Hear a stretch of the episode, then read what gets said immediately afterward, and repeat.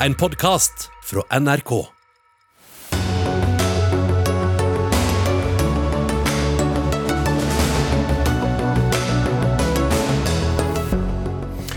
Ukrainas ambassadør med bønn til Norge om mer hjelp etter 100 dager med krig i hjemlandet. Fem dager til ende har de mektige LO diskutert alt fra stans i norsk oljeleting til hvorvidt SV bør bli med i regjeringen. Men hvor mye betyr det egentlig hva LO mener? Hva er forskjellen på en nordnorsk avisredaktør og en duskedame, spør mediekritiker. Dagsnytt 18 søker svar hos nettopp nordnorsk redaktør. Og med en prislapp på nærmere 3,3 millioner kroner meteren, splitter Fornebubanen som skal gå fra Oslo og så vidt inn i Viken, partier innad. Arbeiderpartiet møter Arbeiderpartiet. Dette er uh, ukens uh, siste Dagsnytt 18-sending før pinsen setter inn. Jeg heter uh, Espen Aas. Vi har lagt 100 dager med krig bak oss i Europa. Og ingenting tyder foreløpig på at den verken vil avta i styrke eller nærme seg en slutt. Til studio har vi invitert Ukrainas ambassadør til Norge. Vatsislav Jatsjuk. Jeg kommer til å intervjue ham på engelsk, og så kommer jeg til å oversette for dere der hjemme underveis. Mr. Ambassador, you have witnessed the war here from Oslo, and in today's edition of uh, Aftenposten, you write that Norway could do more. What exactly? Norway was uh, very quick in providing support to Ukraine. And after 24 February, Norway became one of the leaders in Europe in providing this support. But now, after 100 days of war, there are new challenges, there are new needs. Uh, we need more weapons, we need more financial assistance, we need more humanitarian assistance, we need stronger action on sanctions, we need more support on all uh, those tracks. Ja, ambassadøren roser Norge for å være raskt ute og en av de viktigste støttespillerne i en tidlig fase av eh, krigen. Nå har eh, vi kommet inn i en ny fase. Man trenger mer humanitær hjelp og mer våpen, og det er det ambassadøren altså ber Norge om å gi. But have you actually asked the Norwegian government for this help, uh, apart from asking in today's newspaper? Of course, this is a part of our constant dialogue with the Norwegian government. We are very happy that we have now very intense dialogue with the Norwegian government. President Zelensky, he not only addressed the starting of Norway and the Norwegian people on the 30th of uh, March, in which he made all those demands, but he also had a, a number of uh, phone calls with the Prime Minister uh, of uh, Norway, uh, Minister of Foreign Affairs, had uh, repeated meetings and talks with his Norwegian counterpart. We are in constant dialogue with mm. the Norwegian government on all those matters. But you're still not where you want to be. We are making some progress. Of course, we understand that some decisions need some time time to be uh, made, uh, but uh, we're trying to convey to our Norwegian friends and partners that uh, the time is short and we need those decisions to be made uh, quicker. Mm. Ambassadøren sier at det er en pågående dialog, og også at president Zelenskyj har henvendt seg som vi vet, både til, både til, Stortinget og vår statsminister, hvor det er bedt om mer hjelp. Samtalene går i riktig retning, men det tar tid, som han eh, sier. As Ukraine's man in Norway, could you describe how the events 101 days ago have changed your role as an ambassador? From the very first uh, day of this full fledged uh, invasion, uh, there was this outburst of support and sympathy from the Norwegian uh, society. And uh, of course, it also had its impact on my activities here. Uh, there are a lot of uh, public uh, actions that require my personal participation in Norway, but also, of course, I have to be part of this intergovernmental dialogue uh, between uh, Ukraine and Norway. So it's a lot of uh, pressure now, but in a way, it's a rewarding pressure because, yeah, I understand that there is more support from Norway coming, and this support help uh, Ukraine uh, to uh, prevail in this existential confrontation. Jobben til ambassadøren endret seg altså dramatisk for 100 eh, dager siden, hvor det meste av tiden også handler om uh, å være en mellommann mellom hjemlandet og, og, Norge. Et hardt arbeid, men som altså, i hvert fall til en viss grad bærer frukter. many Ukrainians have fled to Norway during this 100 days. 18,000 were registered a couple of days ago. What stories do they bring both about what they've fled from, but also how they are met in Norway. Of course, for all my compatriots, uh, this is the most devastating uh, experience. Uh, and uh, if you look uh, into the statistics of uh, the people who are coming to Norway, 50% of them are women and almost 40% of them are children. So they are most vulnerable groups of the Ukrainian society. Of course, they went through very dramatic moments when this war Uh, started. Uh, in Norway, they uh, can feel this uh, overall welcoming um, attitude of the Norwegian society. They feel this uh, real warmth of Norwegians. They really do care about them. Uh, of course, at the first days when Ukrainians start started to come to Norway, maybe Norwegian system was not prepared either for this shock as, as no one in Europe uh, was prepared. But now everything is more or less in, in, in order. But of course, uh, all those issues that still exist, we are trying to convey them to the Norwegian authorities, and those issues normally are resolved in a satisfactory manner. Mm. Ja, altså Rundt 18 000 registrerte flyktninger har kommet fra Ukraina til Norge, og ambassadøren uh, roser det de har blitt uh, møtt med, selv om uh, det selvsagt var noe rusk i starten, både i Norge og andre steder. Um, we're to round off now, but I want to ask you, many, many foreign fighters have joined uh, this international legion established by a home country. What kind of a role does the embassy play in coordinating those who volunteer for this? And, and, and has that changed during those 100 days as well? Immediately after the war started, uh, Ukraine received uh, literally thousands uh, calls and uh, other ways of expression of readiness to go and fight uh, with the invaders. And uh, our le leadership, indeed, they uh, established this international legion, but the formation of uh, this uh, international legion is done entirely in uh, Ukraine. embassy plays no practical role in this, except that we point out to the information resources to which those willing to join this international legion should uh, should consult. Uh, this is the, the only role of the embassy. Mm. But from what you know, has there been great interest even in Norway?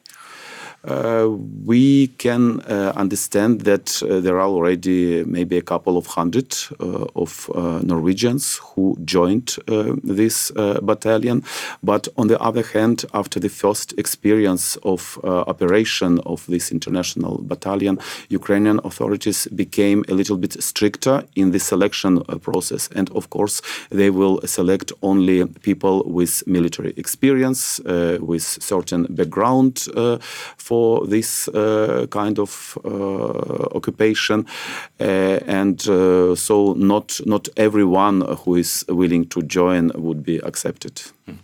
Thank you so much for joining the program, Ambassador Norway, Vachislav Jasuk. Og Det vi snakket om sist, var altså de fremmedkrigerne som, er, som har uh, meldt seg for å, å, bli med i den internasjonale legionen eller bataljonen i uh, Ukraina. Uh, ambassadøren forteller at det har vært om lag rundt 200 nordmenn som har meldt seg til dem. Vi skal endre panel her nå, men tematikken er fortsatt Ukraina. For la oss minne oss selv på det. For bare 101 dager siden tvilte de fleste fortsatt på om det kunne bli krig i Europa igjen. Og så feil kunne man ta. 100 dager senere står vi her. Titusener er drept, millioner er på flukt, og den sikkerhetspolitiske situasjonen ja, den er eh, snudd på hodet. Eirik Kristoffersen, Norges eh, forsvarssjef. Eh, hva slags tanker gjør du deg på denne 100-dagersdagen? For det første så viser jo denne krigen hvor brutal krig faktisk er. Eh, altså Krig er noe vi må unngå for enhver pris. og når vi først får en krig, så ser vi de massive ødeleggelsene. Det er bruk av vold, det er bruk av, eh, av eh, våpen, det er fronter som står mot hverandre, og det er sivile som lider. Så, så krig er i sin, i sin, natur ikke endra på mange mange hundre år. Det, det er sånn krig er, og, og, det er brutalt. Det andre er jo, er jo det her Eh, den kan du si, optimismen som president Putin må ha hatt, som ikke stemte med virkeligheten. Så det er et strategisk feilgrep president Putin har gjort. Han har ikke oppnådd det han ønska innledningsvis, og, og, eh, og, får jo lide for det både nå og kanskje i lang tid etterpå. Og så er det jo eh, konsekvensen av krigen som vi ennå ikke har sett, tror jeg. Både i forhold til, til matvareforsyning i verden, i forhold til gjenoppbygginga, i forhold til kan du si, alt det som er, er ødelagt og som blir påvirka av krigen, det, de konsekvensene har vi ennå ikke sett fullt ut. Så, så det er gjort eh, strategiske feilgrep fra Russland, og Ukraina har vist en forsvarsvilje som, som er til å bli imponert av. Mm. Men 100 dager, eh, det høres kanskje ikke så lenge siden ut eh, slutten av, av, februar, men hvis vi ser på konsekvensen av hva eh, som kan skje i løpet av, av 100 dager, så, så, er det litt av et tidsrom. Ja, det, Den krigen i Norge for å gå tilbake igjen til det, 9.4.1940 eh, det varte i ca. 62 dager før vi, før vi, på en måte ga opp kampen. Og fortsatte den fra utlandet med konge og regjering i England. Og det her har jo vart nå i, i 40 dager lengre enn en kampene i Norge. Og vi vet jo hvor store ødeleggelsene var, spesielt i byer som Narvik, Elverum, for å nevne noen, i den, i den krigen der. Så, så, det viser igjen hvor fort ting kan bli ødelagt og snudd på hodet. Eh, i løpet av eh, ganske kort tid. Du var jo inne på disse, strategien til, til, Putin som åpenbart ikke helt har gått som han har eh, tenkt, i den grad man kan stole på all informasjon. Men han har jo iallfall ikke vunnet krigen uansett. Men hvordan kan han ha tatt så feil? Ja, det, er jo, det er jo flere grunner til at president Putin har tatt feil. Det ene er at han har overvurdert sine egne militære styrker. og Det tenker jeg kommer av årevis med korrupsjon, med fryktbasert ledelse, der rapportene som han har fått om tilstanden i russiske forsvaret, har nok vært eh, haussa opp. Eh, derfor er jo det en lærdom. Man må være ærlig om tilstand i sitt eget forsvar. Eh, det andre var jo den optimismen han hadde i forhold til å, til å ta Kiev raskt i en slags spesialoperasjon, som han kalte det, og, og trodde at det ukrainske regimet skulle kollapse. Han angrep jo Ukraina på en måte som jeg mener ikke var militært forsvarlig i det hele tatt. Eh, det, han, det, de er i ferd med å gjøre nå, med å ta Donbass, er jo et mer realistisk militært mål ut fra de styrkene som var tilgjengelig. Og Så undervurderte han jo sterkt samholdet i, i, Vesten, med sanksjoner, med moralsk støtte til, til Ukraina, og så fysisk støtte i form av f.eks. For våpenleveranser. Så det er gjort mange sånne feilvurderinger. og men det han har rett i, det er jo at, eh, at eh, atomvåpen som avskrekking virker. Så det, jo, det har vært helt vesentlig for Nato å ikke bli involvert i krigen for at dette skulle eskalere til en tredje verdenskrig. Og Det er kanskje noe av det, det som er skummelt i ettertid, det er at, at verden og mange nasjoner ser på at dette faktisk virker. Altså Nato går ikke til inngrep. Vi har kapasiteten, men vi kan ikke gjøre det fordi det vil eskalere. Uh, og, og, det betyr, og det er pga. at atomvåpen virker som avskrekking. Så at vi sitter i 2022 og diskuterer og ser at atomvåpen som avskrekking faktisk virker, er jo, er jo ikke det spesielt beroligende. Bernt Apeland, generalsekretær i Norges Røde Kors. At det sivile samfunn i Ukraina eh, betaler en eh, høy pris for krigen, er jo hevet over enhver tvil. Men hvordan kan vi si at uh, sivile på en måte angripes annerledes nå, eller uh, betaler en annen kostnad nå enn en, en starten? For det første så fortsetter jo krigføringen i, eh, i, øst på samme måte som den har gjort i sør. Eh, hvor vi ser at eh, det er tett befolkede områder som rett og slett bombes sønder og sammen. Over hodene på folkene som bor der. sånn at i de krigsutsatte områdene hvor det nå fortsatt bor 13 millioner mennesker, så er det jo rett og slett eh, veldig eh, dramatisk krigføring som pågår. Vi ser jo ikke så mye til det i, i, i, mediebildet, fordi det er ikke så mye tilgang i disse områdene. Men dette er egentlig krigføring som man kjenner, man kjenner det fra, fra, Syria. Vi har jo sett by etter by i Syria som har blitt pulverisert på den måten. Vi ser det andre steder. Så det i Grosjny på 90-tallet, og det er helt forferdelig. Men I tillegg så er det jo sånn at uh, av de menneskene som er på flukt, det er ca. 14 millioner mennesker som er på flukt som følge av krigshandlingene. 7 millioner ut av Ukraina og 7 millioner i Ukraina. Uh, og Det som jo kanskje ikke har vært så mye fokus på, er jo den belastningen resten av samfunnet i Ukraina får med at det er 7 millioner mennesker som er på drift inne i, i Ukraina. Det er jo mange lokalsamfunn som har fått doblet sitt innbyggerantall i en situasjon hvor eh, tilgangen på ressurser til å drive et lokalsamfunn har blitt mye mindre. så Det betyr at det er en enorm sosial krise også. Eh, tilgang til boliger, tilgang til mat, vann, helsevesen osv. Og, og hva er den store utfordringen nå da, sett med, med Røde Kors-øyne? Den aller største utfordringen er å få tilgang til de områdene der eh, de konfliktene pågår, og kunne hjelpe de menneskene som virkelig trenger det mest. Vi får hjulpet noe, men det er langt fra i nærheten av det det burde være. Eh, og så må vi eh, også klare å skalere opp innsatsen i de andre områdene eh, i Ukraina for å måte bidra til at ikke resten av samfunnet der rakner som følge av den overbelastningen vi ser. Mm. Til slutt, eh, 18 000 ukrainske flyktninger i Norge. Hvordan går oppfølgingen med det? Det er som ambassadøren sa, eh, vi klarte ikke å stå der den dagen de kom. Eh, det var eh, Mottaksapparatet i Norge var altfor dårlig, det var ikke dimensjonert til å håndtere det. Og det tok altfor lang tid å få det opp og stå. Nå har jo ikke tilstrømmingen til Norge blitt veldig stor, så det betyr jo at den tilstrømmingen vi har fått, den håndterer vi nå ganske bra. og Det som nå er viktig, er at de som har kommet til Norge, fått, fått kollektiv beskyttelse, nå blir bosatt i kommunen så fort som mulig, så de kan få lov til å starte sine liv og, begynne å bygge seg opp igjen. For dessverre så kommer denne krigen til å vare mye lenger enn det de flyktningene som har kommet til Norge, håper. Bernt Apeland, generalsekretær i Norges Røde Kors, takk skal du ha, og takk til Eirik Kristoffersen, Norges forsvarssjef 100 dager inn i krigen.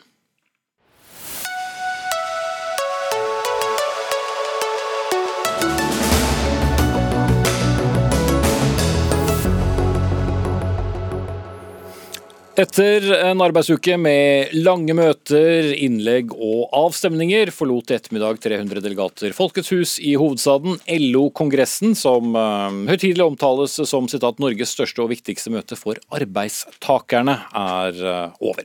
Men hvor mye reell politisk makt har egentlig landsorganisasjonen med nesten en million medlemmer i ryggen, og hva er egentlig det politiske resultatet etter denne uken, der jo også flere kontroversielle forslag er stemt ned.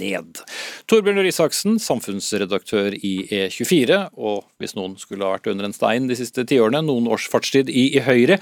LO-kongressen var altså en hel uke. De kommer med uttalelser, fatter vedtak, men påvirker det norsk politikk mye? Ja. Hvordan da? Det gjør det. Det er det korte svaret. Nei, eh, nå, nå også For det første påvirker det norsk politikk mye, fordi at LO er Norges desidert største fagforening. Eh, for det andre så er det ekstra stor påvirkning nå fordi at det er en Senterparti-Arbeiderparti-regjering. Og Arbeiderpartiet og LO har, som alle vet, ekstra tette bånd, også formalisert samarbeid, som de da eh, ser på som en del av den faglige og politiske arbeiderbevegelsen. Eh, og så påvirker det også mye, vil jeg si, fordi at eh, Og det her viser disse LO-kongressvedtakene. LO er også etter min mening gode på prosess. Så det er interessant å se at to av de mest kontroversielle sakene, nemlig energi og pensjon, der er det indirekte på begge to vist til prosesser som er i gang med to utvalg, henholdsvis da et pensjonsutvalg og energikommisjon. Mm. Utvalg er jo en populær måte å, å sluse ut uh, vanskelige saker over tid, da. Uh, men leverer LO mange velgere? Ja, det, det, går jo litt opp og ned. Ehm, eh, men, men det, er noe, det, er ikke noe, tvil om at i hvert fall for vil jeg mene da, altså for, for, Arbeiderpartiet som parti, så har det jo vært perioder hvor de har forsøkt å løsrive seg fra LO. Har, eller ikke løsrive seg helt, men i hvert fall svekke båndene til LO. Eh, jeg tror få i Arbeiderpartiet vil si at det var en politisk suksess. Eh, så er det vel et mer åpent spørsmål, etter min mening i hvert fall, hvorvidt LO Eh, tjener like mye på å være så tett koblet til det ene partiet. Eh, men det må jo selvfølgelig LO-kongressen få vite, eller få mene noe om. og det, Alle vil vel sikkert lese det med min politiske bakgrunn i tankene også. Mm. Vi får nesten ta med noen med en litt annen politisk bakgrunn. da. Andreas C. Halse, fagsjef i Tankesmien Agenda, som jo også lever på, delvis på penger fra, fra LO. Hva om noe har overrasket deg i løpet av denne uken med kongress? Jeg er egentlig enig med Torbjørn at de har vært veldig gode på, eh, på, prosess og fått til noen veldig gode vedtak. Både på, på, energipolitikken, men også på pensjon, hvor de har gått i retning av å, av å tette, tette, noen hull. Det er jo selvfølgelig eh, ikke noe som blir veldig billig for arbeidsgiversiden, men det er jo også det som er LOs kjerneoppdrag. Og så er det jo noen saker som er viktige på LO-kongressen, for det syns jeg er veldig fint når du ser på kongressen, at det som tas opp der, det er ting som er viktig for helt vanlige folk. Og En ting er det du leser om i mediene, men en annen ting er saker som eh, kamp mot høyreekstremisme, som Richard fra Fellesforbundet tok opp. Eh, som Eh, så jobbe for å gjøre arbeidsplassene dysleksivennlige, som en som heter Kai eh, tok opp. Og arbeid for psykisk helse. Hele ja, men, men poenget er at det er mange andre små saker som ikke kommer opp, som er ekstremt viktig å ha én million arbeidstakere i ryggen på, som LO-kongressen er et viktig politisk verksted for. Isaksen. Jo, eh, det er det jo. Hvis, hvis, man sånn utenfra skulle pekt på noe som kanskje kunne vært diskutert enda mer, og det her har jo vi som er i pressen også i og for seg et ansvar for hva vi videreformidler virkemidler, så er jo det noen utfordringer også, som LO åpenbart står overfor.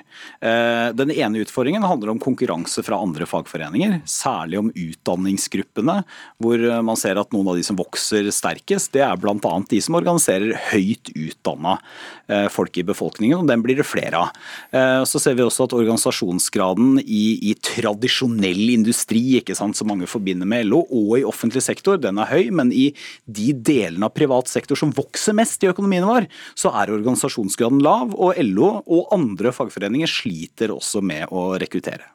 Og så er det jo ikke sånn at Arbeiderparti-velgerne er en enorm gruppe innad i, i, i, LO, selv om det er den største. Det fordeler seg også på en del andre. Og ikke minst har jo Rødt eh, begynt å utgjøre en, eh, en, en stor eh, del her. Hals, gjør det det også vanskeligere? Altså, Arbeiderpartiet og LO har et bånd som, som, er historisk tett. Men så tror jeg at Rødt eh, i LO det er også litt sånn eh, overdramatisert hvor eh, massivt det er. fordi Hvis man ser på vedtakene på Kongressen nå, så står det ikke i stil med det som ble skrevet om før Kongressen. Og det er jo veldig ofte sånn, tror jeg, i LO at de som er mest høylytte før Kongressen, ikke nødvendigvis er de som får mest gjennomslag. At den store liksom, kjøttvekta i eh, LO tror på det som er av prosesser som, som går nå. Som f.eks. det med Energikommisjonen er et veldig godt eksempel på. Der sitter Are Thomasgaard på LO, eh, fra LO, og Kongressen har Eh, vist veldig tydelig tillit at han klarer å representere arbeidsfolks interesser der, istedenfor å gå veldig drastisk til verks og, vedta forslag som ikke er ferdig utreda, f.eks. Men, men i alle organisasjoner så er det nok sånn at de som har mer kontroversielle forslag, får mer oppmerksomhet enn de som står på en eller annen sånn prosess- og kompromisslinje. Eh, men, men i hvert fall etter min forståelse så er det ikke noe, ikke noe tvil om at, at Rødt, både samtidig som de har vokst som parti, så har de hatt en veldig klar ambisjon om også å ha en sterk tilstedeværelse i fagbevegelsen. Da er det LO primært man snakker om. Og at de er en stein i skoen for deler av det LO-ledelsen og andre i LO forsøker å få til, mener jeg det ikke er noe tvil om. Eh, og de har også vært flinke som parti eh, til å forsøke å alliere seg med disse motkreftene som er i LO, som man av og til litt upresist kaller for LO-opposisjonen, og utfordrer dermed også liksom Arbeiderpartihegemoniet. Så vil jo jeg si at, eh, at det er jo veldig bra, syns jeg, for Norge at LO er prosessorientert. For det er en del av denne norske modellen som i sum tjener oss veldig godt. Og som kanskje et parti som eh, Rødt har mindre sans for. Men nå er jo ikke de til stede her, da. Så vi får. Skal ikke snakke om de som ikke er her. Magnus Akvam, politisk kommentator her eh, i NRK. Hvis vi ser da på den reelle makten til eh, LO, har den endret seg? Noe som jo skjedde forut for denne kongressen, var jo at de sørget for at Arbeiderpartiet måtte skifte statsråd i det viktigste departementet for LO?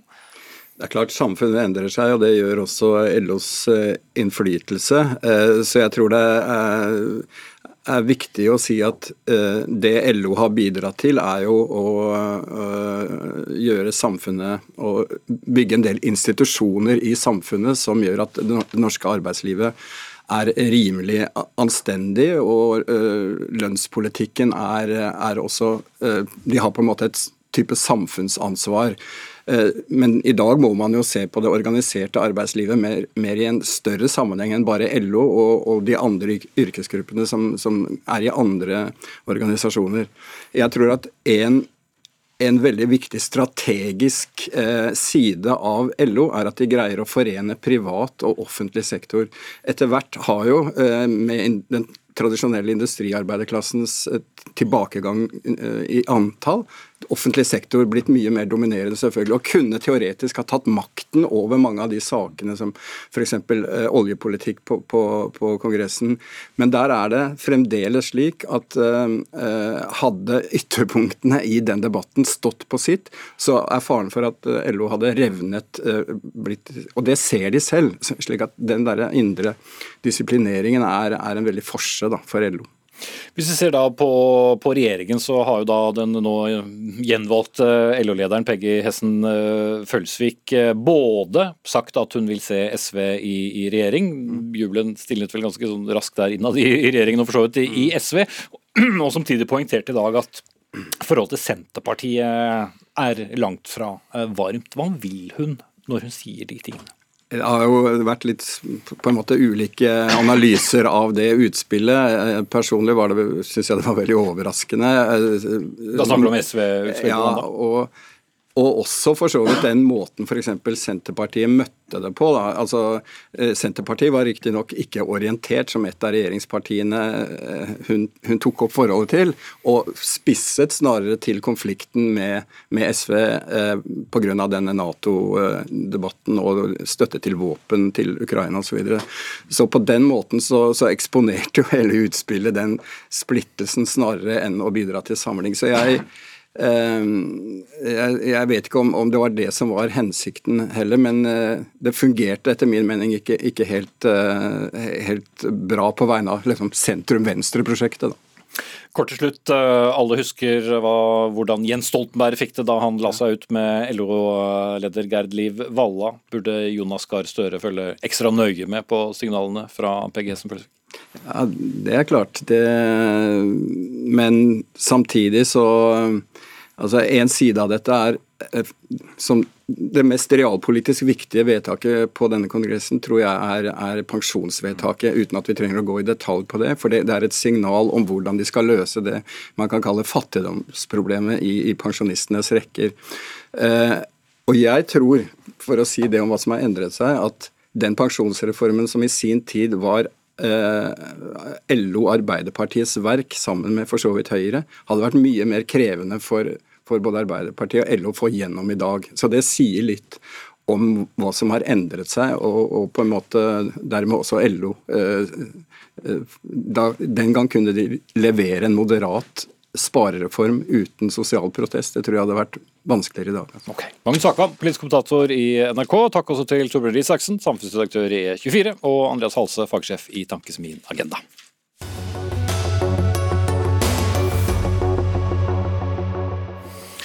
Er eh, nordnorske avisredaktører for ukritiske? Spørsmålet ble denne uken stilt av journalist og mediekritiker Anki Gerhardsen i et innlegg i Aftenposten. Hun eh, hevdet der at eh, redaktørene heier frem alle prosjekter som kan etableres i egen region, koste hva det koste vil, eksempelvis sykehusutbygging og flyplasser. Ja, så høyt runger heiaropene at det knapt er plass til nyansert journalistikk, skriver du Anki Gerhardsen.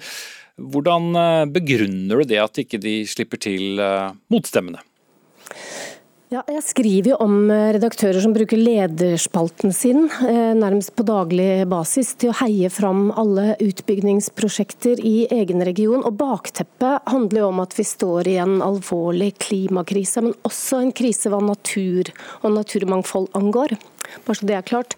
Og Det skrives ikke bare én leder per prosjekt, men det er om og om igjen. og Da begynner det nesten å ligne på maktmisbruk. Og så er det viktig å være klar over at disse lederne de ligger jo bare på toppen av en journalistikk som ofte er har mangler da, hva gjelder eh, kravene om å være kritisk og undersøkende. Og Det er ikke bare noe jeg syns, det er det gjort forskning på. og Nord universitet de fant ut at ca. 5% av journalistikken i norske lokalaviser kan karakteriseres som kritisk og undersøkende. Og okay, det syns må, sikkert... Ja. ja. Jeg skal ta inn en, en motstander her nå. Jan Erik Hansen, du er redaktør i Avisen Nordland og også styremedlem i Nordnorsk redaktørforening. Hva sier du til det skussmålet? Eh, det er klart at uh, lokalavisene er jo uh, Tidligere var det jo mer organer for sine partier. I dag er de på mange måter I sine publisistiske uh, formålsparagrafer skal de bidra til gode lokalsamfunn. og det er mange funksjoner. Vi, skal si, dekke alle deler av samfunnet i det lokale. det som jeg tenker rundt, rundt det som, som, som Anki trekker frem her, er at det at Jeg vil si tvert imot. Jeg syns det er fint at uh, sjefredaktører uh, deltar i debatten, uh, og at de også deltar og inviterer til debatt også. Det som, som Men er dere for ukritiske, er vel spørsmålet? Uh, nei, Jeg håper ikke det. Vi, uh, vi prøver å være kritiske. Uh, og Det er det som er viktig i forhold til prosjekter der vi tar stilling positivt på lederplass. Så må vi passe på at vi også er kritiske når vi gir det hele bildet som at folk er i stand til å ta egne og velinformerte valg. og det er dere ikke, sa Gerhardsen? Uh, hun sa det, det som jeg reagerer på her, er at hun sier at vi ikke slipper til motstemmer. Uh, jeg kan jo ikke snakke for alle avisene eller NRK for den saks skyld i nord. Men, men uh, det som vi er veldig opptatt av, f.eks. du nevnte flyplass. så her, her i Bodø har det jo vært en debatt over lang tid, og den har gått også nasjonalt i forhold til planene for flytting av rullebanen for å gi plass til utvikling av en ny by. dette har vi jo Ja, jeg har skrevet kommentarer rundt det. Vi har sluppet til alle som har ønska å slippe til i våre spalter. Jeg har vært aktive og fått tak i motstemmer, til og med etter tips fra okay. Anki. Ja. Så, så, et litt langt nei på, på påstanden til Gerhardsen her, hvis jeg tolker deg uh, riktig da. Så da skal du få kontre, Anki Gerhardsen. Ja, nei, Jeg syns eh, ikke at Jan Eirik eh, sin beskrivelse helt matcher den opplevelsen jeg har, i hvert fall, av eh, dekningen av ny by og ny flyplass. Og Et sånn lite eksempel. Jeg nevner i teksten min en arkitekt som har skrevet et par kronikker. og Blekket var vel knapt tørt før Jan Eirik Hansen går ut og plukker fra hverandre argumentasjonen hans. Det er nå én ting. Men denne arkitekten ble også intervjua av Avisa Nordland. Og her er altså tittelen 'Slik vil Bodø-arkitekten løse dette prosjektet. Eksperter mener det ikke lar seg gjennomføre. Så her knuser man altså eh, arkitektens forsøk eh, før befolkningen som leser Avisa Nordland i det hele tatt har fått lest saken. Og ikke nok med det, eksperten det er altså leder for Ny by, ny flyplassprosjektet. For meg så begynner det å ligne markant på kampanjejournalistikk. Hansen. Ja, det svarer jeg veldig fint på. Det som eh, arkitekten her, eh, som jeg syns var veldig fint og gitt ros for at han engasjerer seg, det er for få arkitekter som engasjerer seg i debatten. Eh, vi, han fikk, kom på to kronikk i løpet av to uker, så var han to kronikker hos oss på samme sak, hvilket er uvanlig for det vi ellers gjør. Vi løfta den frem, vi fronta, vi løfta Og nettopp det at vi fulgte opp med egen artikkel, også for å utdype hans syn, betyr jo at vi tar dette på alvor. Så må vi selvfølgelig slippe motstemmene til her òg. Mm. Eh, og, og, det, og, det rekker For å si sånn, jeg har ikke, jeg ikke stoppa et eneste debattinnlegg. Eh, tvert imot. Vi har, vi har henta debattinnlegg, spesielt siden vi diskuterer denne saka, også fra, fra, konkurrenter som har vært kritiske. Eh, og vi har, det går en debatt her i forlengelsen av, det, av denne kronikken her også, som vi hadde flere kritiske innlegg på plass. Og Det skulle blott bare mangle at vi ikke har det, og vi, vi ønsker virkelig å ha det. Det som jeg reagerer på, det er jo at ja, Du må gjøre det veldig kort, for du har litt lange, lange svarene her. okay, men det jeg reagerer på, det at, at uh, Anki Gerhardsen skal legge en slags munnkurv på redaktører, som at man ikke skal få lov å mene noe her. Uh, det synes jeg er litt, litt, spesielt eh, når hun skriver at, han, at hvorfor måtte jeg svare? Uh, selvfølgelig, vi deltar i debatten, vi stimulerer til debatten, vi driver debatten, men vi har også en egen stemme. Vi er ikke ja, meningsløse redaktører i en meningsløs ja, Det er ikke noe snakk om noen munnkur, det er snakk om hvor du har en enorm makt. Du har aksess til spaltene hele tiden, og da er spørsmålet hvor mange ledere per prosjekt skal du skrive før det begynner å vippe over i at du er aktør da, framfor eh, redaktør. Og, eh, og, Det er det kritikken min går på. Jeg mener ikke at dere nekter motstemmere å komme på banen, men dere stimulerer ikke en kritisk offentlighet, bl.a. fordi journalistikken har vært for svak på nedsidene. Mm. Hvor mange så, saker om klima og naturkrisen har dere, har dere f.eks. skrevet knytta til nye byprosjekter, sammenligna med alle de positive sakene? Hvis vi skal komme gjennom dette. Vi, vi, har skrevet om dette prosjektet i ulike deler siden 2015, eh, og vi har sluppet til alle motstemmene. og En del av, vesentlig del av kritikken fra Anke går her på at vi ikke slipper til motstemmer, og det er 100 feil.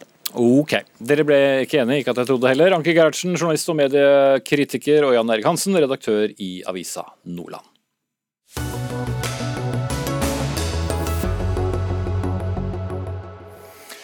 Hva er én meter langt og koster nærmere 3,3 millioner kroner? Jo, det er en meter av den omstridte og omdiskuterte 8,1 km lange Fornebubanen, som skal frakte folk på strekningen mellom Oslo sentrum og til Fornebu, som ligger rett over grensen til det som i dag heter Viken fylke.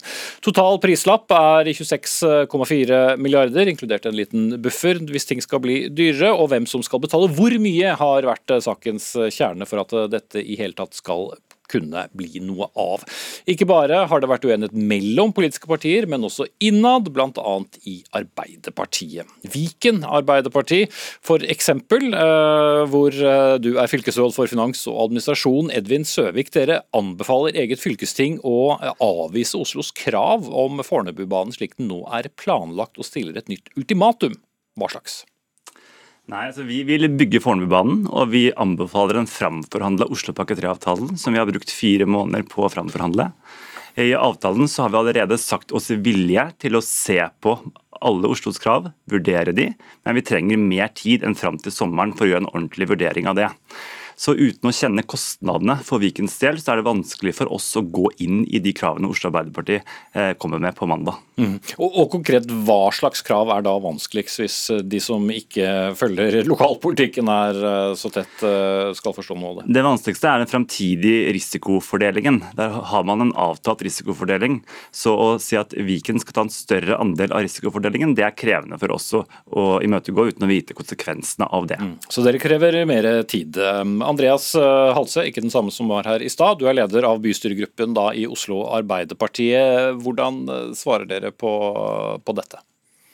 Nei, at Nå får vi jo bare eh, fortsette å prate sammen, tenker jeg. Vi har i dag sagt i Oslo bystyre at vi vil legge opp til et ekstraordinært bystyremøte den 22.6, en uke senere enn det vi opprinnelig hadde planlagt som siste møte, for å ha tid til å lande dette.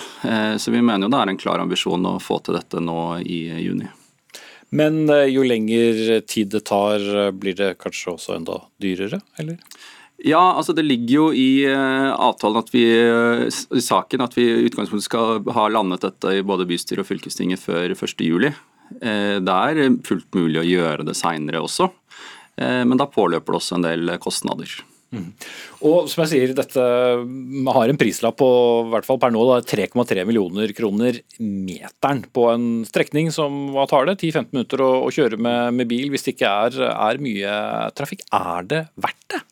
Ja, Vi mener det er verdt det. Klart det er dyrt, eh, men det koster det å bygge ut kollektivtrafikk i Norge i dag. Og Det er verdt det fordi det gir eh, mindre utslipp, det gir mer klimavennlig transport, det gir færre biler, det gir færre busser inn til Oslo. Og det vil også eh, gjøre at vi kan bygge flere boliger på Fornebu, som vil dempe boligprisveksten her i Oslo. Mm. Samtidig så koster det masse skattepenger. De som uh, bedriver bilkjøring får bompengeøkninger på, på, på 40 uh, eh, som ikke nødvendigvis uh, er så populært heller. Men er vi jo nå kommet så langt Halsa, at det helt tatt å tenke på å fylle igjen store åpne hull til flerfoldige milliarder er uaktuelt? Nei, det syns jeg ikke. og Det der er vel en klassisk sånn feilslutning som man lærer om når man eh, begynner å studere med økonomi. Eh, det som kalles sunk cost fallacy. Altså, det er riktig at vi har brukt nær 3 milliarder, eh, men vi må jo vurdere nytten av de 20-25 milliardene vi faktisk skal bruke, og vurdere om de er verdt det. Og Der er vi jo litt sånn, det er i grenseland. Eh, det er ikke verdt det hvis det går på bekostning av andre eh, prosjekter i Oslo og for så vidt i eh, Akershus. Ikke verdt det hvis det går på bekostning av det vedlikehold og oppgradering av det trikk- og T-banenettet vi allerede har, f.eks., eller hvis det går på bekostning av rutetilbudet vi har ellers. Da er det ikke verdt det. Så det er jo det å organisere oss sånn at vi klarer å få eh, forsikringer om at det i minst mulig grad går utover de andre tingene vi skal gjøre, eh, er egentlig det vi prøver å få til. Mm. Og Der vet vi jo ikke helt. For eh, noen som bor i motsatt ende av landet, så høres jo en prislapp for da 8,1 km uendelig høy ut? Ja, det er dyrt, og det er dyrt å bygge ut skinnegående transport eh, i Norge. Eh, men det gjør også at vi får ned utslippene, får ned trafikken og kan bygge flere boliger på Fornebu, som også vil dempe boligpresset i Oslo. Og så tenker jeg Det er viktig å få fram at i denne avtalen som vi har gått eh, inn med sammen med Oslo, så får vi altså inn mer midler til kollektivtrafikk også i andre deler av byen og andre deler av Akershus og Viken. Så blir vi ikke enige om en avtale nå, så blir det færre midler å bruke på andre kollektivprosjekter, også i i Oslo øst og i østlige deler av Akershus. Mm. Det er jo faktisk riktig at vi de neste fire årene skal eh, bruke litt mer på Fornebubanen enn det vi skal ta inn i økte inntekter, så vi skal faktisk lånefinansiere det her eh, lite grann. Eh, men eh, det som kanskje er hovedutfordringen med, med resonnementet, er jo at eh, vi har jo en risiko for at eh, kostnadene øker. Eh, både ting som kan skje med selve prosjektet, men kanskje aller mest det vi ikke har kontroll over. Eh, nemlig at prisen på betong, stål og sement fortsetter å øke. Den har eksplodert eh, de siste åra. Og hvis det fortsetter å skje, så er det en udekka regning som er veldig krevende. Og da er egentlig sånn som, sånn som det ligger nå, løsninga å kutte i andre ting, eller å øke bompengene ytterligere. Og ingen av dem er jo spesielt ønskelige. Eh, for noen av oss, tror jeg. Mm. Eh, så det å prøve å lage løsninger som gjør at vi kommer unna det problemet, eh, er det vi må prøve å lande. Edvin Søy. Ja, og Det er jeg jo egentlig helt enig i, men da er ikke løsninga å legge mer eh, av risikoen over på Viken. Da kan vi heller stå sammen for å få private grunneiere som tjener mye på tomtene sine og at Fornebubanen skal bygges ut, til å bidra mer. Her har Viken fått inn eh, ja, langt over 2 milliarder så langt. Oslo har fått inn rundt 100 millioner. Så her tenker jeg at vi sammen kan gjøre en jobb for at Oslo også kan få inn mer private grunneierbidrag for å finansiere banen. Ja, og Det var jo også en av grunnene til at vi faktisk i et av våre vedtak understreker det da, at Oslo også må bidra mer. Eh, men det er jo også en illustrasjon av hva, hvem som først og fremst har nytten av denne banen. Altså 70% av de reisende er anslått at det kommer til å komme fra Bærum. Størstedelen av boligbygginga skjer på Fornebu.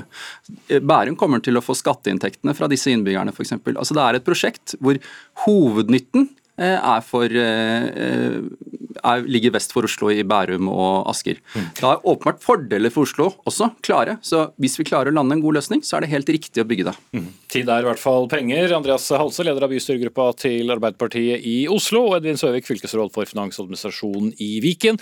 Og hvis jeg skal si et eh, høyt tall til, omtrent der denne Fornebubanen skal stoppe, skal det også bygges ut en stor E18-utbygging eh, på, på 17 km. Og her snakker vi om kostnader opp i 60 milliarder kroner, så samferdsel koster.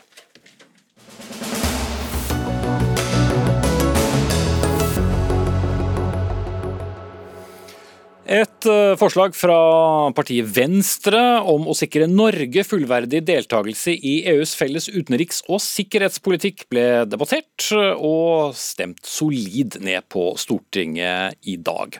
EU-debattene de har tiltatt i både mengde og styrke etter eh, flere år med pandemi, og ikke minst som følge av krigen i Ukraina. Men nå vil du at politikerne skal respektere at det norske folk ikke vil være med i EU. Torleik Svelle for tiden inne som stortingsrepresentant eh, for Senterpartiet. Hva, hva betyr det? Nei, altså jeg mener jo at vi må lytte, og da spesielt lytte til ungdommen. Det kom en fersk spørreundersøkelse nå der fire av fem ungdommer sier nei til EU. Og Det er en ganske tydelig beskjed både fra de unge, men fra folket ellers om at løsningen på veldig mange av de problemene vi står i i Norge nå, de fordrer at vi kan bestemme mer sjøl ta mer kontroll, enten om det er over energi, eller om det er over eh, kraft, eller om det er over arbeidslivet. Og Folk ser at vi trenger å styre mer sjøl, og da er det en ganske solid nei til EU fra både Senterpartiet, men også fra det norske folk. Heidi Nordby Lunde, leder av Europabevegelsen, også stortingsrepresentant eh, fra Høyre. Ja, dette klare flertallet mot EU i folket har vi jo kjent eh, siden 1994. Ehm, og det vil vel ikke bli noe flertall for noe tettere tilknytning fra Stortinget med det første heller, ser det ut til. Skal vi da ta så mange ekstra runder?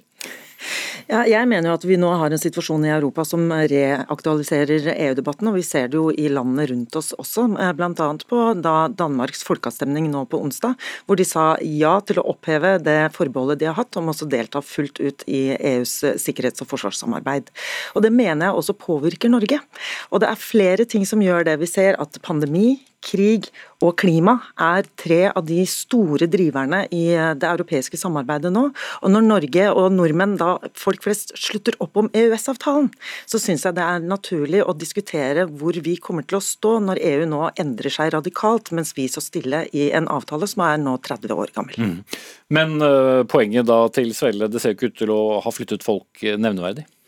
Nei, eh, nå ser jeg også at, eh, at, eh, det er jo høyere oppslutning om fullt medlemskap i EU enn det er om Senterpartiets politikk. Så hvis man skal si at man skal la ting legge fordi at det ikke er oppslutning om det, så, så kommer vi jo ikke noe videre i demokratisk forstand. Men jeg har veldig stor forståelse for at, at mange er skeptiske. Det er en sterk oppslutning om EØS-avtalen, men når vi på den andre siden ser på, på de mytespredningene og faktafeilene som nei-sida sprer, så skjønner jeg jo den EU-skepsisen veldig godt.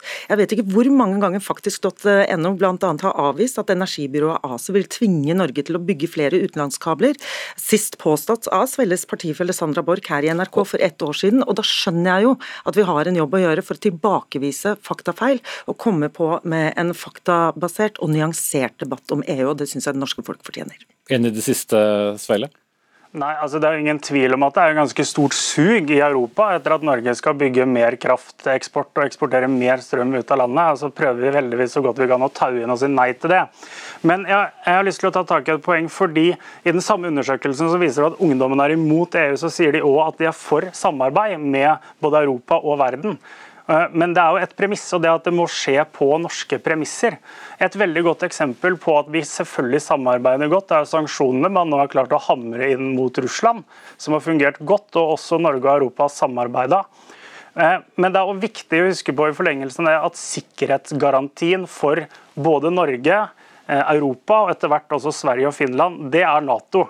Sikkerhetsgarantien vår er Nato, og dersom vi skal begynne å blande EU som et sånn sikkerhetsprosjekt inn her, så begynner det å forstyrre både de planer, protokoller, generaler Nato har, så kommer det til å sette sikkerhetssituasjonen i fare, fordi det er nettopp Nato som er vår sikkerhetsgaranti. Og det sa jo Lunde. ganske tydelig i dag. Ja, Europabevegelsen har jo ikke et eh, altså vi, vi jobber jo ikke med Nato-saken som sådan, men Nato er jo en forsvarsallianse. Eh, når vi ser nå hvem som da har ilagt sanksjoner, som eh, faktisk tar imot flyktninger, og som, som nå jobber med politikk opp mot Russland, så er jo det EU. Og EU skal jo ikke bygge en egen forsvarsstruktur som kommer til å gå utover Nato. Tvert imot så sier jo også Nato-sjefen, general generalsekretæren at EU eh, e og Nato kommer til å utfylle hverandre. og Vi ser jo også at EU-landene Sverige og Finland nå søker Nato-medlemskap, mens EU-landet Danmark eh, og Nato-landet Danmark søker inn i EUs eh, sikkerhetssamarbeid. Og Det betyr jo at de har tre bein å stå på, nemlig sterke, robuste nasjonalstater som alt vellykka internasjonalt samarbeid bygger på, i tillegg til Nato og EU. Og Det gjør dem sammen sterkere. Og Jeg tror at fellesskap gjør oss sterkere, Særlig i er dagens situasjon, hvor vi lever i en veldig urolig verden. Vi vet ikke hva som kommer mot oss. Og jeg mener jo at klimaløsningene, pandemien eh, og nå også krigen i Europa viser at vi bør søke sammen i fellesløsninger, og at vi står sterkere sammen. Svar kort på det til slutt, eh, Svelle. Ja, for Det er jo det som er hele poenget. Folk er for et samarbeid, men det må skje på norske premisser. Eh, dersom Norge hadde blitt med i EU, så hadde vi kanskje fått 12 av en 740-50 representanter. Det betyr at vår stemme hadde drukna i et eh, prosjekt som på ingen måte ønsker å løfte fram norske interesser. Så vi er nødt til å slå knyttneven i bordet og stå opp for oss sjøl. Så kan vi godt samarbeide, men det må skje på norske premisser og på premissene til norske folkevalgte. Det sa Torleik Svelle, som for tiden er inne som stortingsrepresentant for Senterpartiet, og Heddy Nordby Lunde, leder av Europabevegelsen. Så skal vi da til Brussel. Simen Ekern, der er du NRKs eh, korrespondent. Eh, pandemi og krig har også ført til en helt annen forståelse av hva EU er og ikke er, i hvert fall innad blant medlemslandene. For vi skal jo bare et par år tilbake i tid eh, hvor det så ut til å knakke langt mer i sammenføyningene. Hva har skjedd? Det som har skjedd er jo at dette eh, samholdet eh, har blitt eh, framholdt som, som EUs aller sterkeste kort. Hvor viktig det har vært at man har stått sammen både i, i pandemihåndteringen og i sanksjoner mot Russland. Og de gangene det samarbeidet ikke fungerer, så, så har man vel snakket om at det er der problemet ligger. Så for en del av EU-landene i alle fall, så har det i, i det minste kommet et nokså tydelig og klart fokus da, på eh, hva slags aktør EU kan være, hvilke virkemidler som er til disposisjon eh, hvis man eh, står sammen. Som norsk korrespondent da i denne EU-hovedstaden, eller en av om du vil, hva slags spørsmål og signaler får du? Det er vel litt sånn eh, nå at mange har blitt vant til at nesten alle land foretar dramatiske eh, og, tidligere utenkelige eh, linjeskift. Ikke bare når det gjelder Nato, men da også sist med, EU-avstemningen nå i, Danmark. Så det er jo nærmest det man forventer seg. Og, sist på EU-toppmøtet så fikk jeg spørsmål om det fra, danske kolleger. Om i, hvor stor grad får alle disse dramatiske endringene noen betydning for diskusjonen om om, om EU i Norge. Og dette forsvarssamarbeidet i EU, hvorfor har det fått så uh, mye mer økt oppmerksomhet, når det jo gjentas, ikke minst fra Natos generalsekretær Jens Stoltenberg til, uh, til stadighet, at det er, er Nato som er det førende og det viktige?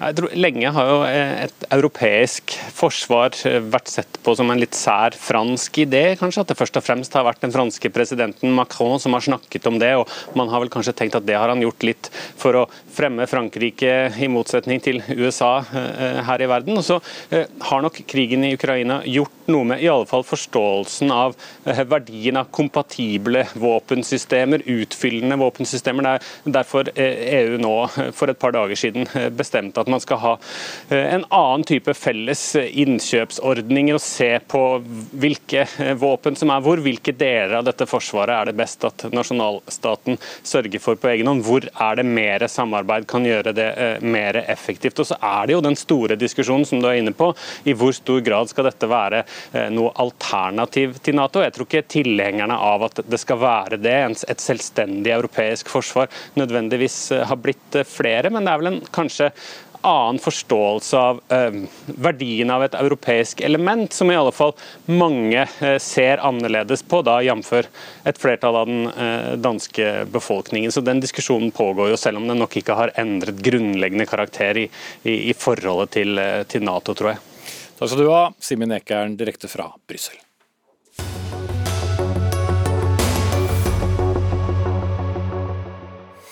2044 dager, ja så lang tid tar det å ferdigregulere boligtomter i hovedstaden, kunne vi høre i NRKs sendinger i morges. I fjor, 2021, økte saksbehandlingstiden for boligbygging med åtte måneder. Samtidig er det blitt kjent i dag at boligprisveksten i hele landet økte relativt kraftig i mai i strid med en del spådommer, i alle fall. Og kan det hele ha en uh, sammenheng? Det argumenterte i hvert fall du for, eh, Henning Lauritzen, administrerende direktør i Eiendom Norge. Hva er sammenhengen? Sammenhengen, Hvis vi ser på, eh, på Oslo, da, for å begynne med det, så, så, er det nok en ganske klar sammenheng mellom et lavt tilbud av bolig og en, en ganske stor etterspørsel. Vi har, Hvis vi ser på de ti årene før korona, så, så kom det 1,7 befolkningsøkning i Oslo. Rundt 10 000 personer i året. Og så er det i samme perioden bygd ca. 3000 boliger i året. Og da blir det år for år flere som konkurrerer om hver bolig, og det drar prisene ekstra opp. Men prisene øker mange andre steder enn i, Oslo? Ja, det er helt riktig. Og prisene øker i hele landet, og hittil i år så, så har landet under ett økt mer enn prisene i Oslo isolert sett. Så, så, her har vi nok sett en effekt av at det er veldig få boliger på markedet, men kjøperne er der. Mm. Så det er en litt spesiell situasjon akkurat i øyeblikket. Men Men, likevel så mener du at lang, lang behandlingstid må ta mye av skylden, både i hovedstaden og andre pressområder? Ja, det tror jeg vi kan si. Jeg tror vi kan si at uh, Oslo er nok i en særstilling i den forstand at det er der hvor det er dårligst sammenheng mellom behovet og tilbudet. Mens Bergen er også et eksempel på en by hvor jeg tror vi kan komme til å se noen av de samme problemene vi har i Oslo, som, uh, som da er at vi får en boligprisvekst som ligger over de andre byene. Mm. Rasmus Renvang, byrådssekretær for byutvikling fra Miljøpartiet De Grønne i, i, Oslo. Um, over fem år, det er lang tid for å ferdigregulere boligtomter i uh, en by med såpass mye mennesker og innflytning. Hvorfor må det ta så lang tid? Ja, Det tar jo ikke så lang tid, faktisk. KOSTRA-tall er uh, veldig unøyaktige og veldig dårlige til å måle med. Det Skulle gjerne er, hatt SSB her til å svare på det. Jo, men, men ja. det, er, og det er mange som rapporterer på forskjellige måter, forskjellige storbyer. Og det som er mediantiden for en reguleringssak i Oslo i dag, det er 3,3 år. Men er ikke det også lenge? Det kan du si. Vi har eh, krav til eh, medvirkning. Og så er det som er spesielt i Oslo også, at vi, vi bygger ikke på jomfruelig mark. Alt innenfor byggesonen i Oslo, for vi har freda marka, og vi har også fra i fjorden, og det vil vi jo der bor det folk fra før, eller det er ting. Så vi må transformere områder hvor det allerede er aktivitet. Og det er mye mer komplisert enn i kommuner hvor du kan bygge noe ut på et jorde som er ledig. Mm. Men hva med utbyggernes ansvar her også, Lauritzen? Det er jo veldig mange utbyggere som vil gjøre en del endringer ut fra det som utgangspunktet er tillatt eh, på bygg. Så utbyggerne har vel også et visst eh, ansvar her? Ja, Nå representerer jo ikke jeg utbyggerne, men, men, men, det men, men dette kjenner du til? Det ja, ja, ja, det er helt riktig. og det er klart De har også et ansvar. Men, men, det man nok ser en økende tendens til nå, det er at det tar såpass lang tid i Oslo at veldig mange utbyggere velger å bygge andre steder i stedet, rett og slett. Det kan man jo skjønne godt hvis man kommer til en kommune hvor det tar et par år å få regulert en tomt, så man kan starte med salg og bygging. Men vil da også argumentet være at det samme problemet vil forflytte seg? Fordi eh, områdene rundt hovedstaden, og for så vidt ganske langt geografisk også, har jo hatt eh, tilflytningsvekst og ønske om eh, utbygging, selv om plassen åpenbart er større? Ja, Nå har Rasmus helt rett i at det er komplekst og vanskelig i Oslo. Eh, det er det mange andre steder også. Og så er det selvfølgelig noen steder hvor det er litt enklere. Altså Der man kan bygge på jomfruelig mark, så har man kanskje den letteste situasjonen. Men, men vi ser at dette går litt opp og ned i kommunene, og vi ser at de stedene stedene hvor kommunene klarer å få til mye regulering, så det blir mulig å bygge mye, så får vi også en veldig mye svakere boligprisvekst. Altså Kristiansand er kroneksempelet på det i Norge. Der er det mulig å bygge for mange års boligbehov. Og der har altså boligprisene gått opp 33 de siste ti årene, mot 95% i Oslo. Mm. Ja, Reimang, eh, når man jo kjenner til forholdene i egen eh, by, vil ikke det i seg selv gjøre det ganske enkelt å ha litt høyere marsjfart? Både, både, ja og nei, kan du si. Jeg vil bare gjerne også aller først si at den sammenhengen som eh, Lauritzen peker på, mener jeg jo er en forenkling som er ganske grov. Fordi at eh, boligpris, Siden 2015 så har vi igangsatt eh, boligbygging i Oslo som er større enn det befolkningsveksten gir behov for. Allikevel så spretter boligprisene opp og ned. Det var vel 12,5% opp her i fjor eller forfjor, samtidig som vi bygget 6000 boliger, hadde en eh, befolkningsvekst på 2000. Så det er ikke noe én-til-én-forhold mellom hvor mange boliger som blir bygd i Oslo hvert år, og boligprisene. Fordi rente og en del av de andre faktorene slår så mye tyngre inn. Men så skal vi samtidig jobbe for å regulere mer, og bidra på den måten. Men sammenhengen som blir kjørt fram, den er veldig simplistisk. Og løsningen på boligprisene i Oslo er ikke om vi bygger dobbelt så mange til neste år, så er det mange andre faktorer som kommer til å kanskje påvirke at det ikke gjør noe forskjell. Enig i det, Lauritzen? Altså, Rasmus har helt rett i at renten er veldig viktig for boligprisutviklingen, men eh, renten er den samme i Bergen, Trondheim og Oslo. Og eh, Hvis vi ser på de siste ti årene, så kan vi se på disse tre byene sammen. I Bergen og i Trondheim så har boligprisene økt mellom 50 og 60% Der har man bygd mye mer i forhold til befolkningsveksten. I Oslo så har den økt 95% og Det er der sammenhengen ligger. Og så har Rasmus helt rett i at selv om man bygger veldig mye, så kan boligprisene øke. Men poenget er at de øker enda mer hvis man ikke bygger veldig mye. Mm. Men til slutt, Renvang, er det noe som skulle tyde på at denne saksbehandlingstiden vil gå ned? Jeg håper det. Vi, vi, jobber for det. Samtidig så vil vi jo jobbe, ha en grønn by som er god å bo i for de innbyggerne som er der. Og de skal bli hørt, og vi skal ta hensyn til dem. Sånn at vi former og bevarer Oslos særpreg, samtidig som vi vokser. Og den balansen er eh, utfordrende på saksbehandlingstid. Vi skal ha veldig god medvirkning. Så har jeg mål om at vi kan iallfall få den litt ned. Men så må vi følge eh, kravene til medvirkning og ha ting på høring og gjøre det ordentlig med innbyggerne våre. Rasmus Renvang, byrådssekretær for byutvikling eh, fra Miljøpartiet De Grønne, og Henning Lauritzen, administrerende direktør i Eiendom Norge. Takk skal eh, dere ha. 2044 dager var i hvert fall tallet som eh, ble presentert i nyhetene våre i morges. Ansvarlig for ukens siste Dagsnytt 18-sending, det var Gro Arneberg. Lisbeth Sellereite tok seg av det tekniske. Jeg heter Espen Aas. Så er det årets siste langhelg. Etter annen pinsedag så er det ikke noen offentlig fridag før første juledag.